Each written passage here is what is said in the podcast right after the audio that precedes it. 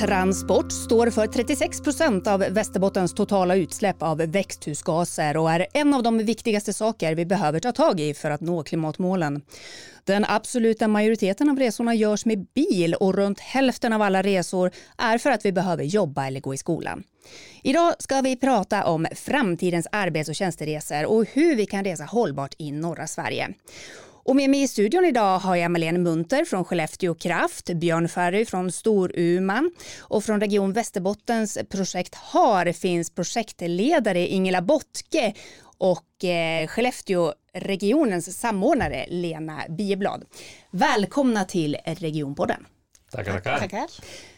När vi säger att vi ska resa hållbart, vad menar vi då Lena? Ja, går det att välja bort bilen? Alltså det handlar väl om det fossila eller flyget. Finns det andra resval man kan göra? Cykla, gå, kortare resor, ta tåget, bussen. Ja, ungefär så. Mm. Ingela, du är projektledare för HAR-projektet. Eh, och jag tänker att vi måste nästan börja med att prata lite om just HAR-projektet, vad det är för någonting. Kan du berätta? Det är ett treårigt projekt i Västerbotten med tio deltagande organisationer. Vi jobbar med arbets och tjänsteresor med både företag och kommuner. Just det. Och vad är målet med det här då? Målet är väl att påverka människors tankar i vardagen. Hur vi res, varför vi res. Att eh, välja inför fler resor, inte gå på autopilot. Och även titta på vad kan arbetsgivare göra. Just det. Och vilka är det som är med i projektet? Vi har sex kommuner och fyra företag. Det är Umeå kommun, Skellefteå kommun, Lycksele kommun, Storumans kommun, Vindelns kommun, det är Skellefteå Kraft, det är Boliden, det är Vattenfall kundtjänst och indexator och även Region Västerbotten på en del av det där. Ja, men just det. Och Marlene, ni på Skellefteå Kraft, ni är en del av det här projektet som sagt. Eh, varför var det viktigt för Skellefteå Kraft att vara med? Ja, men eh, Skellefteå Kraft har länge varit intresserad och jobba med det här eh, vad gäller hållbara transporter. Såklart, vi tycker att det är jätteroligt att eh, fordonsflottan håller på att elektrifieras och där vill ju vi såklart vara en del. Och inledningsvis så jobbar vi väldigt mycket med vår egen fordonsflotta som vi har för att förbättra eh, förutsättningarna där och eh, jobba med att modernisera den. Ehm, sen eh, kom ju HAR-projektet med i bilden för att de hade ju det här andra perspektivet när det gäller även arbetsresan, det vill säga resan till och från arbetsplatsen. Så att, då tyckte vi att det var ett superbra komplement till vårt arbete där vi känner att vi vill jobba aktivt och vara en förebild och driva omställningen i samhället. Vad har du fått för effekter då skulle du säga? Eh, ja men dels så har vi fått, eh, alltså det har ju alltid varit tacksamt att jobba med de här frågorna på Skellefteå Kraft för att det eh, har alltid varit viktigt för oss att vi ska bidra med det här. Och eh, när det gäller våra medarbetare så har det varit väldigt roligt för att eh, det har varit ett stort intresse kring frågan.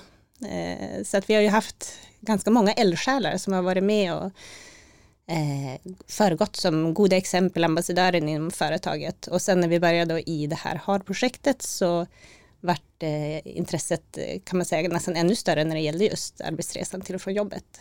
Väldigt engagerade medarbetare och det gör ju att det blir väldigt roligt att jobba med de här frågorna också.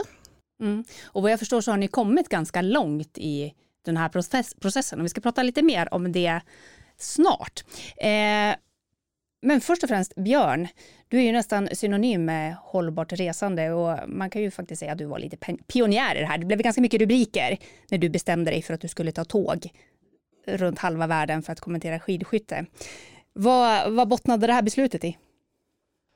Ja, men jag är ju nyfiken på hur vi kommer att leva i framtiden. Det är som min ingång i det. Sen har ju min fru Heidi, hon har ju mer en ekologisk livssyn och en god människa och vill rädda världen och har alltid varit så. Så vi har ju vår familjevision att bli fossilfria till år 2025, så det, det drog igång 2015. Och då blev det ju ganska naturligt att ja, försöka göra allt man kan. Hur har det gått med det projektet, att bli fossilfri? Ja, men just det med resorna, det var ju det som var det stora när man gör en sån där analys. Det, det var ju transporterna som stod för huvuddelen av våra utsläpp. Att det var, flög man ett varv runt jorden och körde ett varv runt jorden i en dieselbil, det var liksom ganska lätt att börja där. Så att börja med att åka tåg inrikes var som det första. Och sen skaffa elbil var det andra. Sen insåg kan vi åka tåg inrikes, man kanske kan sluta flyga helt. Så att jag har inte flugit på snart fem år. Så det, och det funkar ju. Så jag tycker att det går bra egentligen. Det gör det. Men känner du att du har blivit begränsad på något sätt i till exempel vilka uppdrag du kan ta? Ja, så, så är det ju. Det är inte så att jag hade åkt till Kina och kommenterat skidskytte. Nu var det inte SVT som hade den här gången. Men då hade jag ju tackat nej. Så att jag har inte varit i Afrika eller Sydamerika eller i USA eller någonting sedan dess. Så att jag väljer ju andra saker. Så är det ju. Men jag tycker jag får mycket annat också. Men känner du, kan du känna att det är en uppoffring? Alltså det, det är väl som både, både och egentligen. Men nej, det, jag tycker att jag får ganska mycket tid. Många säger att de har så lite tid jämt. Och sen frågar de mig när jag åker tåg, vad gör du med all tiden? Ja, då får man ju tid, egen tid, att lyssna på poddar eller förkovra sig eller någonting som man inte får annars. Så att jag, jag ser det som stora fördelar med den här formen av resande. Så att jag ser det som bildningstid när andra kanske hinner hem fortare. Ja, men precis.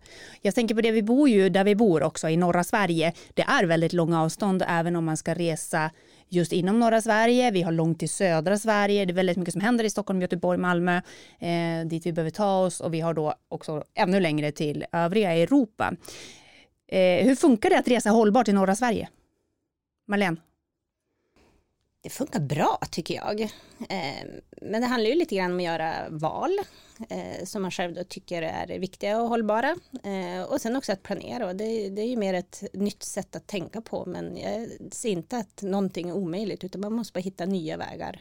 Eh, man kanske inte för oss har det varit mycket, vi går ju som från en kultur där man har haft en egen bil och en egen släp. Nu handlar det mer om att dela saker och ting, att man kanske har en egen arbetsväska som man flyttar mellan den bilen som är bäst lämpad för uppdraget. Fortfarande finns ju utmaningar. Vi har ju anläggningar runt om eh, länet som kanske inte alltid är tillgängliga med de allra bästa fordonsvalen när det gäller eh, om man säger att välja fossilfria och sådana saker. Men allt är möjligt och eh, viljan finns. Då mm. finns lösningen också.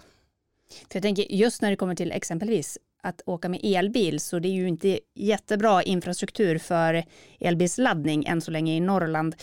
Hur funkar det för er Björn?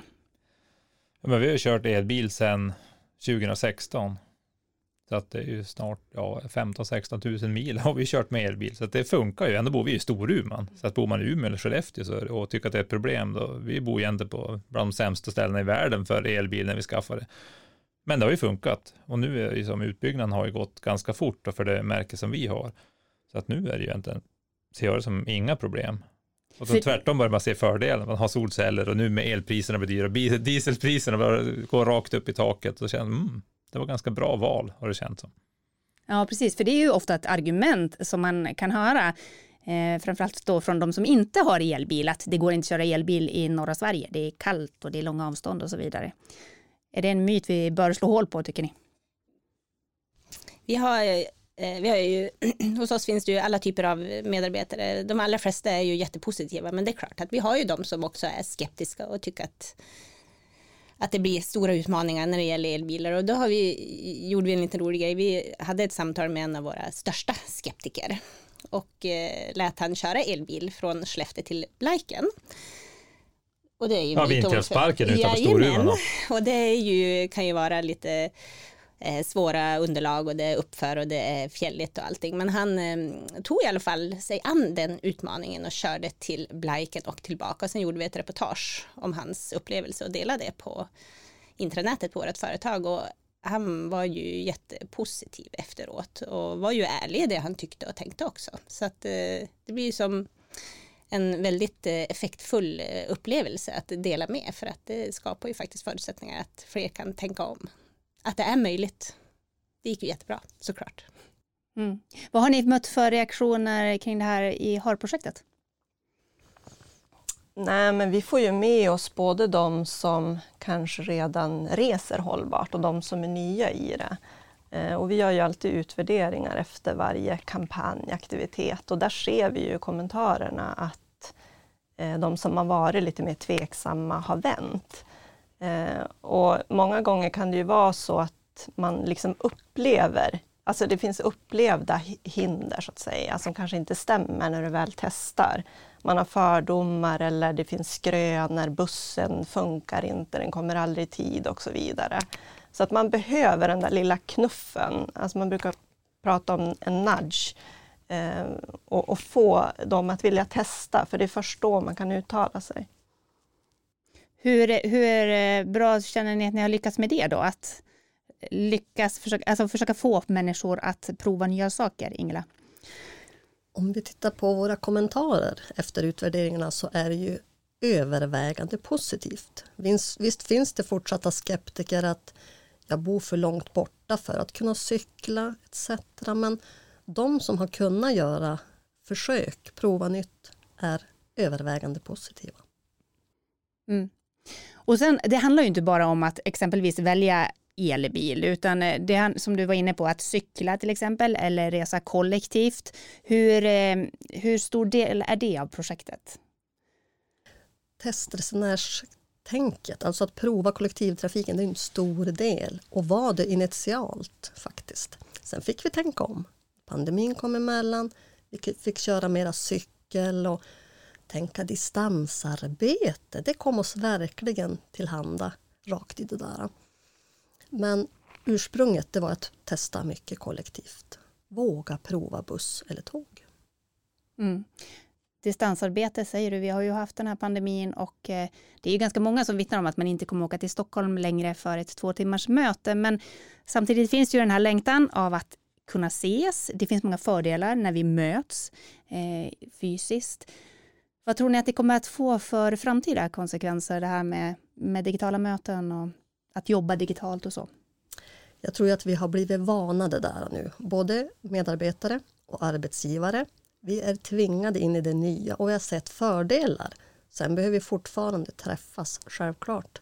Men vi har byggt ut strukturerna med teknik, med eh, kanske hemarbete, hur vi gör. Och vi har också sett då att det är bekvämare. Kan jag välja bort en resa och ta den digitalt direkt med dig? Det är ju super. Och organisationer har sett att man sparar pengar och människor sparar ork. Sen som sagt är det ju en avvägning när det passar bäst. Mm. Hur funkar det? Skulle det funka att kommentera skidskytte på distans? Ja, men det där är ju en bra fråga, för det, det gör det ju. Och det, det har ju gått genom en transformation hela tv-branschen egentligen. Från att säg skidskytten alltid var på plats och kommenterade till att med modern teknik så kunde vi göra allting från tv-huset i Stockholm. Men jag har ju kommenterat från Umeå och kollegorna suttit i Stockholm. Det är ju ingen tittare som har märkt det. Så att steget är egentligen ganska kort. Jag kan sitta hemma i lägenheten, bara ett hyfsat ljudisolerat rum som det här och kommentera en världscup från ropholding. Det är ju ingen som skulle se någon skillnad eller höra någon skillnad. Men man kanske måste vara på plats en gång av tio istället för tio av tio för att ha den här, träffa människor och ha kontakter och allting. Så det, för mig ser det ju som att det är ganska givet att vi kommer komma dit. Men det är ju en lite konservativ bransch och många som jobbar med det här gör det för att man vill vara ute och resa. Så det kanske är lite andra människor som jobbar med det här i framtiden. Mm. Vad fick du för reaktioner från eh, dina chefer och kollegor när du tog det här beslutet? Att eh, sluta flyga eller att? Ja, precis. Och att eh, kanske välja bort att kommentera vissa tävlingar. Ja, alltså jag har ju varit ganska tydlig med så det, det är ingen som har ifrågasatt egentligen, utan det, det är som någonting som de, många tycker är kul att följa. Och att det märker jag, att det är många som pratar, men det är ganska få som gör. Så jag upplever att man får en ganska stor respekt av att man både gör, framförallt att man gör, och pratar lite grann. Så att det, och då bidrar jag lite grann till SVTs klimatpolicy eller resepolicy, det finns ju knappt någon, men det är som inte att jag säger åt folk att de borde göra som jag, utan jag gör så här och förr eller senare börjar väl poletten trilla ner. Men hur det var, nu i vintern när jag åkte till Östersund så var det väl bara jag som tog mig dit med elbil. Det är bara jag som åker tåg fortfarande. Det händer någon enstaka fall att det är någon annan som åker tåg, men de flyger fortfarande Östersund. Men får se hur länge de gör det. Känns ganska onödigt egentligen. Mm. Skellefteå Kraft har ju tagit en ny eh, resepolicy. Ja. Hur ser den ut då?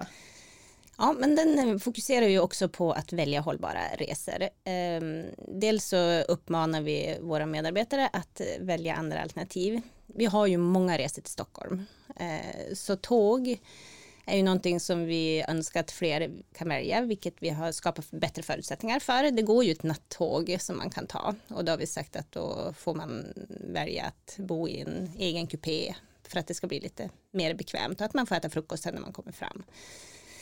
Så att det har vi gjort och eh, vi har också sagt att man ska utvärdera resan och fundera på vilket alternativ som är mest hållbart. Ibland kanske inte ens en resa behöver.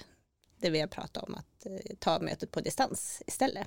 Så det är väl lite så resepolicyn ser ut och det vi har, mm, men det är lite roligt för vi tog den här eh, innan egentligen pandemin bröt ut så gjorde vi det här så att nu har det hänt så otroligt mycket de här två åren och allting har ju blivit så mycket enklare kring de här valen. Så att eh, vi kommer nog att titta över den här igen för att se så att den fortfarande känns aktuell. Eller om man kanske kan skruva på den lite ytterligare nu när förutsättningarna ser ännu bättre ut att jobba på distans och ta distansmöten och så. Mm, ja. För det är så jag alltid åker till Stockholm, det är ju nattåget här från Umeå. Så antingen åker jag bussen hit eller kör elbilen ner beroende på så kommer man fram på morgonen, det är vid halv sju eller sju på morgonen till Stockholm, så det är ju ganska perfekt. Så hur lång tid tar det? Ja, en natt. Det är ju ganska skönt egentligen. Mm.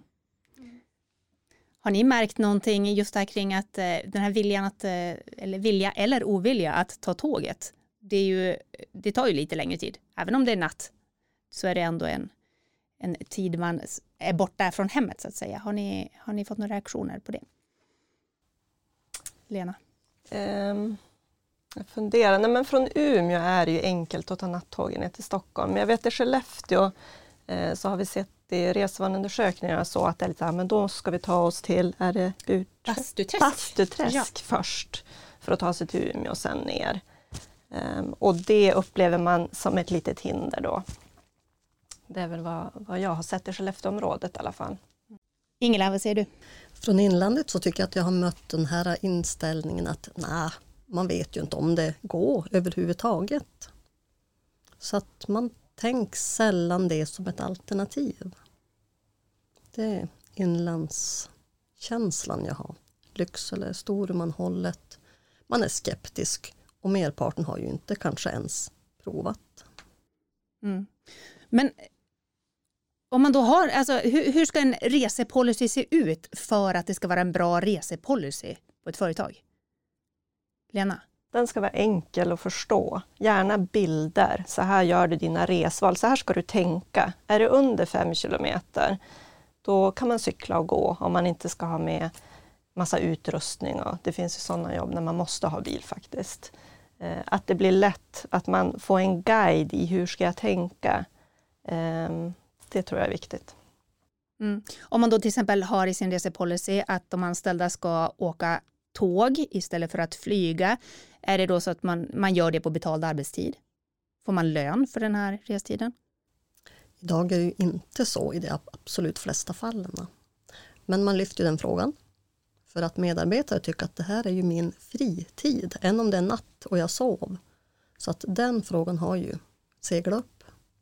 Men dagtid givetvis. Eh, du kan sitta och jobba på tåget ner till Stockholm också. Det är ju arbetstid. Det mm. behöver ju inte vara nattåg. Har, hur har responsen varit på Skellefteå Kraft kring det? Nej, men det är precis som Ingela säger. Man får ju restidsersättning under liksom tiden som anses vara dagtid. Men själva sovtiden på natten får man inte det. Men eh, det har som inte varit egentligen någon fråga, utan, eh, eller jag har inte mött något motstånd eller eh, ifrågasättande kring det eh, faktiskt. Utan eh, däremot har vi sagt att vi uppmuntrar våra medarbetare att faktiskt testa det här. Att man kanske inte behöver åka tur och retur, att man kan åka ner till Stockholm och ta flyget hem. Men bara det att vi vill att så många som möjligt vågar prova. Och det har ju faktiskt hänt. Det är många som har provat och alla som har gjort det har ändå en positiv upplevelse. Så det är ju roligt att det är så. Du nämnde att man kan få flyga ena vägen hem så att säga, eller en, en av vägarna så. Men vi, vi, har ju hela den här diskussionen kring flyget. Du har valt, Björn, att inte flyga alls. Eh, vad säger ni, eh, Ingela och Lena, får man flyga? Kommer vi att, och hur länge kommer vi att kunna få flyga? Självklart kommer man att kunna få flyga, men vi ser ju i nya resepolicys, om man vänder på graderingen, att flyg inte kom som första alternativ, då tänker vi efter på ett annat sätt. Så självklart måste vi fastställas att det går att flyga, vi, vi måste flyga ibland. Men att våga välja från gång till gång ser vi som väldigt nyttigt. Mm. Sen tänkte jag att fly, själva resesättet att flyga är ju ändå ett, eh, en, eh, en resesätt som gör att man kan ta sig på många ställen.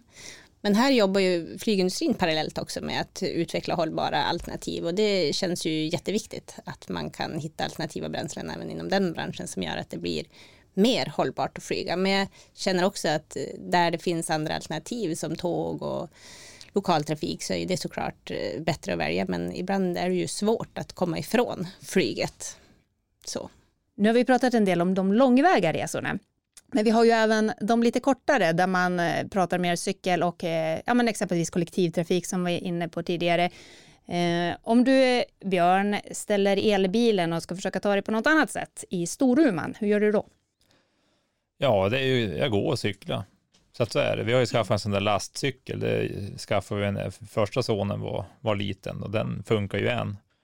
Så att det, och Storuman är ju, även om man tycker det är som det är långt, långt bort, men det är ett litet samhälle, så det är bara en radie på två kilometer. Så det går egentligen fortare oftast. Tar jag cykeln och åker ner till matbutiken så går det fortare än att ta bilen. Det är mer att man ska få hem kassan och sådär, men är man lite hurtig så, så, så går ju allting bra. Så att vi har ju, sonen har cyklat alltid till skolan, året om.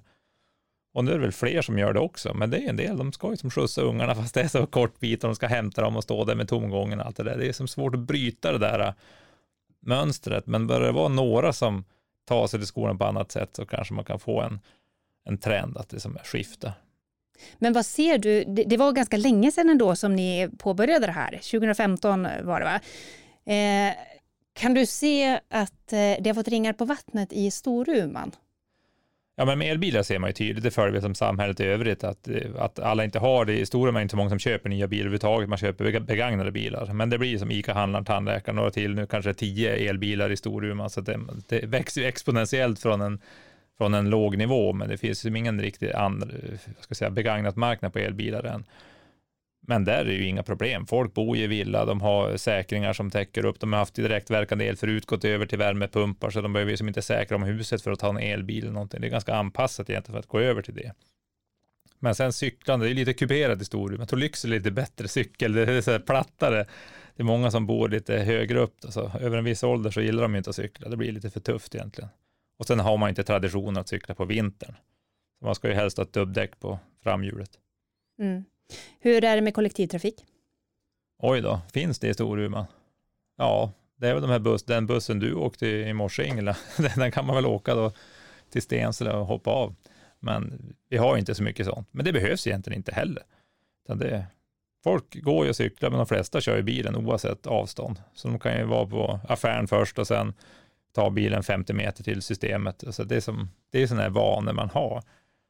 Så det väl egentligen bra då med de här, även om det är tufft med prishöjningar så är det många som nu ställer sig frågan, vilka resor kan jag avstå av den anledningen?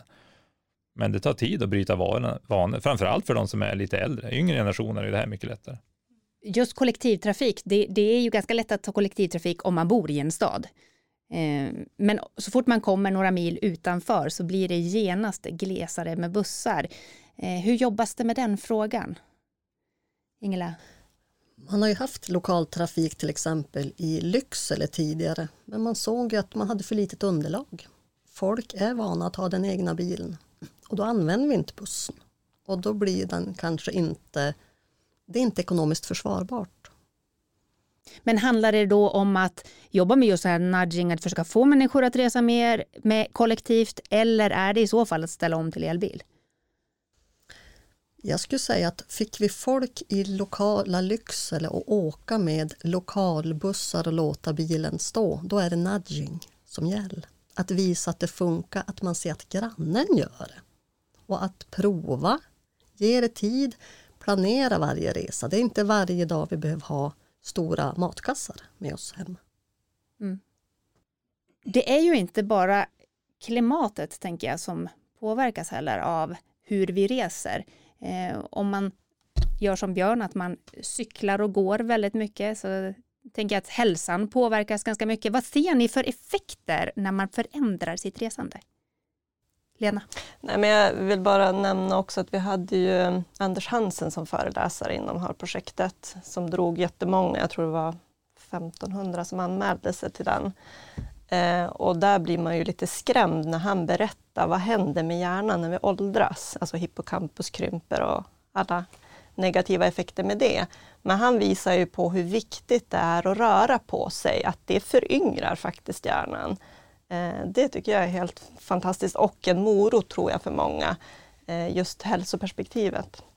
Vad säger du eh, Marlene, när det kommer till det ekonomiska, har, har man sett några positiva effekter på, hos Skellefteå Kraft? Um, ja, på flyg, alltså jo, det har vi ju såklart gjort och särskilt nu under de här två åren så har det varit ganska stor skillnad på eh, resor utanför företaget. Så ja, absolut, det har det ju gjort. Och ur hälsoperspektivet så tycker vi såklart att det är också en jätteviktig grej för oss. Eh, det är ju någonting som vi som arbetsgivare också tycker är viktigt att våra medarbetare mår bra.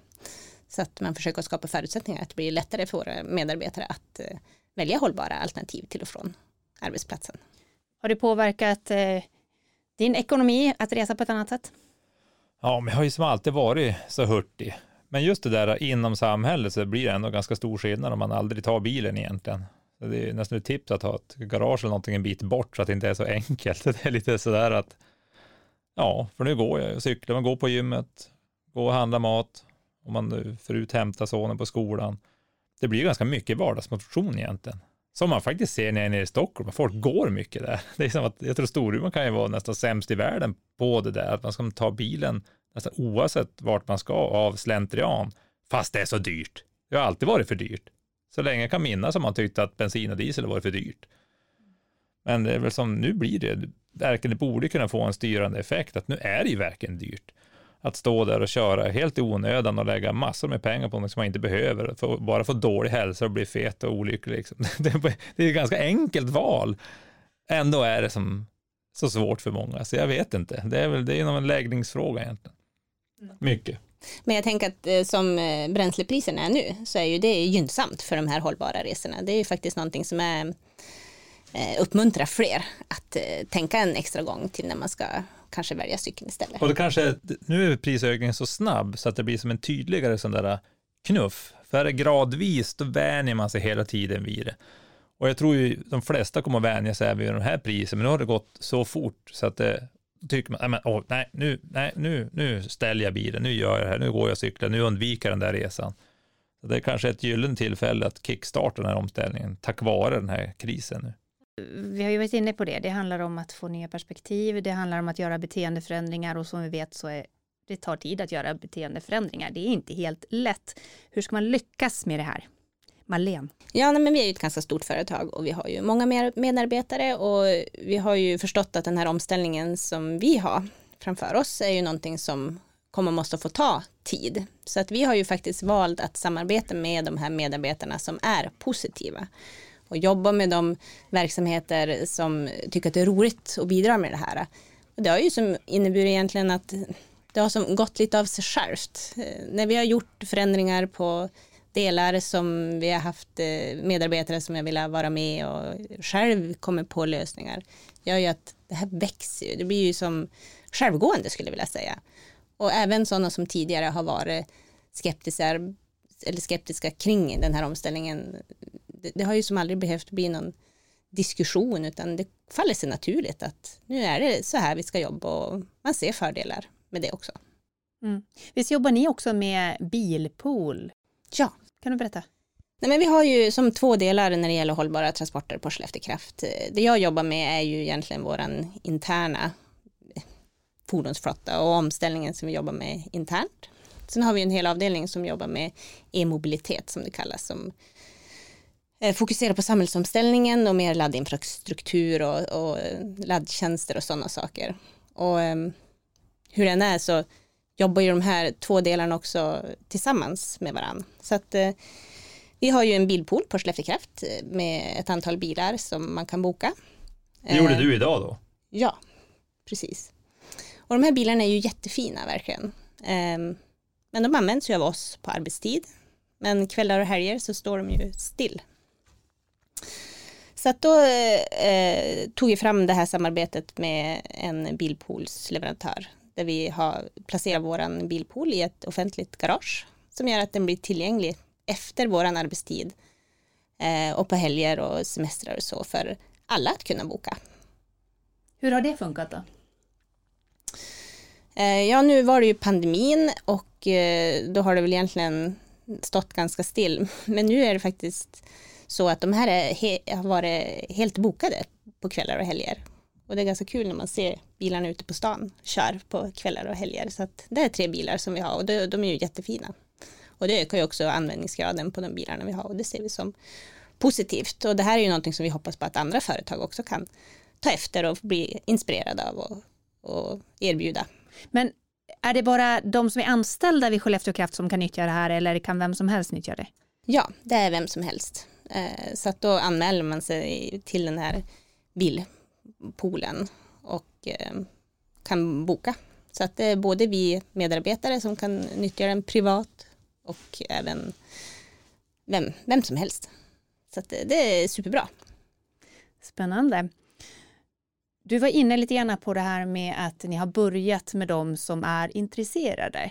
Jag tänker på just det, hur ska man nå de som inte redan är frälsta? Har du några idéer Björn? Ja, men jag tror ju ändå, alltså ska man få till riktig förändring, det bästa man kan göra det är att ersätta det befintliga med någonting som är bättre. Alltså på riktigt bättre. Och jag tror vi kommer, gäller elbilar så då är vi ju snart där tror jag. Att de kommer att vara billigare i drift, billigare att serva, de kommer att gå längre, det kommer att vara bättre för hälsan, de kommer att vara roligare, de kommer också tidigare att bli självkörande på ett annat sätt. Så det är som att förr eller senare kommer vi dit och då kommer även alla skeptiker att och, och gå dit automatiskt. Så är det, som, är det ett bättre sätt att göra någonting, det är det bästa sättet att få till förändring. Men är det sämre, långsammare, dyrare, ja men då kommer det inte hända, utan den stora volymen, då är ju som kostnaden, priset, det är ju det som avgör. Och än så länge så har det varit för dyrt. Det är okej att jag och Heidi kan göra det, men nu ser man att den där priset, det, det närmar sig mer och mer och nu är vi kanske bara något enstaka år bort. Så då blir det ganska självklart att den som köper en ny bil kommer köpa en elbil. Mm. Vad säger du Lena? Nej, men jag tror att även om det är en mindre grupp som börjar eh, så kan ju det ge ringa på vattnet och till slut så påverkar man de här skeptikerna. Eh, att man liksom jobbar med att ändra den sociala normen och vi vill ju vara en del i gruppen. Det är ju liksom människans behov. Och då tror jag att det kommer eh, allt eftersom, men det kan ju ta lite längre tid för de som är absolut skeptiker. De vi kanske når i kampanjen, det är ju de som har börjat fundera och skulle kunna tänka sig att testa. Det är jättesvårt att få med sig skeptiker. Ehm, um, men kan ju också gå, visst. Um, så att om man börjar där så får man med de andra sen. Mm. Ni gör ju rätt mycket olika kampanjer. Man ska åka kollektivt, man ska eh, ta cykeln och gå och så vidare. Hur funkar de här kampanjerna? Vad blir resultatet av dem? Man, vi tar fram en, ett, ett eh, underlag. Sen får man anmäla ett intresse till exempel till en cykelkampanj. Sen gör vi ett urval utifrån vad vi vill uppnå med den här aktiviteten.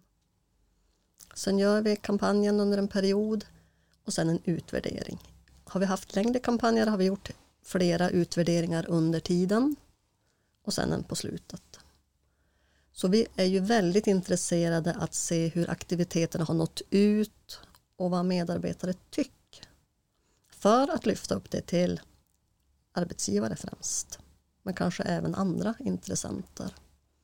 Det är så jätteviktigt med, in, med utvärdering för att arbetsgivarna ska se att det här är ett bra sätt att jobba. Medarbetare sök nya sätt och att som arbetsgivare gå in och stötta saker eller ge en bra, för, en bra förutsättning är värdefullt.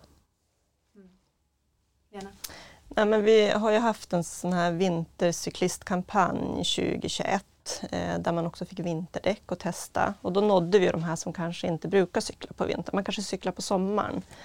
Eh, och fick efter den kampanjen positivt resultat, vad man ska säga. Men då kan man ju fråga sig, ja, men hur länge håller det här i sig? Så nu i år, ett år senare, så gjorde vi en långtidsuppföljning. Eh, och den var ju väldigt positiv. Där såg vi att man fortsatte cykla, man har sparat in, jag tror av de som svarade så hade man sparat in 1500 bilresor. Alltså bara det är ju ett resultat. Um, och, och, det är väldigt roligt att kunna göra en sån långtidsuppföljning, att det inte bara är kanske ett tomtebloss som brinner ut. Det är kul att vara med i en tävling. Um, ja. Mm. Avslutningsvis då, vad är era bästa tips till arbetsgivare som funderar på en ny resepolicy? Vi går laget runt. Björn? Ja, men jag tror att man egentligen alla, oavsett arbetsgivare eller privatperson eller vad det är, så att man som accepterar att vi lever i förändringens tid, att vi är på väg i en annan riktning och att man ser den där visionen framför sig, att vi ska ställa om till ett hållbart samhälle på något sätt och gärna så snabbt som möjligt utan att destabilisera hela samhället. Så att man har det, att förändring är som det naturliga tillståndet och man som accepterar att vi lever i förändringens tid då är det mycket lättare att ta till sig de här möjligheterna som finns, så att man inte bara har klackarna i backen och, och, bara ser problem och motstånd, utan det här kommer att hända, vare sig du vill eller inte. Välkomna det här och försök göra det på bästa sätt utifrån dina förutsättningar. Mm. Marlene, ditt bästa tips till arbetsgivare? Ja, men det är ju kanske då att skapa de här förutsättningarna som gör att det bli både roligt och enkelt att göra de här hållbara valen. Och det är väl det vi känner att vi kan göra på Skellefteås Kraft, att försöka öppna upp för att det ska bli enkelt att göra de här valen. Sen tänker jag också att man kanske måste ha lite förståelse för att eh, det kan ta tid, olika lång tid för personer att eh, liksom landa i det här. Men jobbar man med förutsättningar och eh, att dela med sig av positiva erfarenheter så till slut så tror jag att man ganska enkelt får med sig alla på tåget. Helt enkelt. Mm. Lena? Ja men låt det inte bara bli ett papper som man tar upp en gång eller kommunicerar ut, nu har vi en ny policy, utan det här måste kontinuerligt diskuteras och lyftas varje år. Eh, kanske följa, eh, göra uppföljningar, hur ser det ut? För att jag menar, en organisation kan ju ha väldigt många policies och riktlinjer. Eh, man måste leva dem också och visa att de är viktiga. Mm. Ingela, vad vill du skicka med för tips? Kortfattade och som Lena nämnde tidigare med bilder och färg. För är de kortfattade då är de lättare att ändra när man efter utvärderingar säger att hmm, här behöver vi skruva. Och det är lättare för människor att förstå dem. Just det. Stort tack hörni för att ni kom och var med i Regionpodden. Och till dig som har lyssnat, jag hoppas att du har fått lite tips och inspiration till ett mer hållbart resande och kanske leder det till och med till en ny resepolicy på jobbet.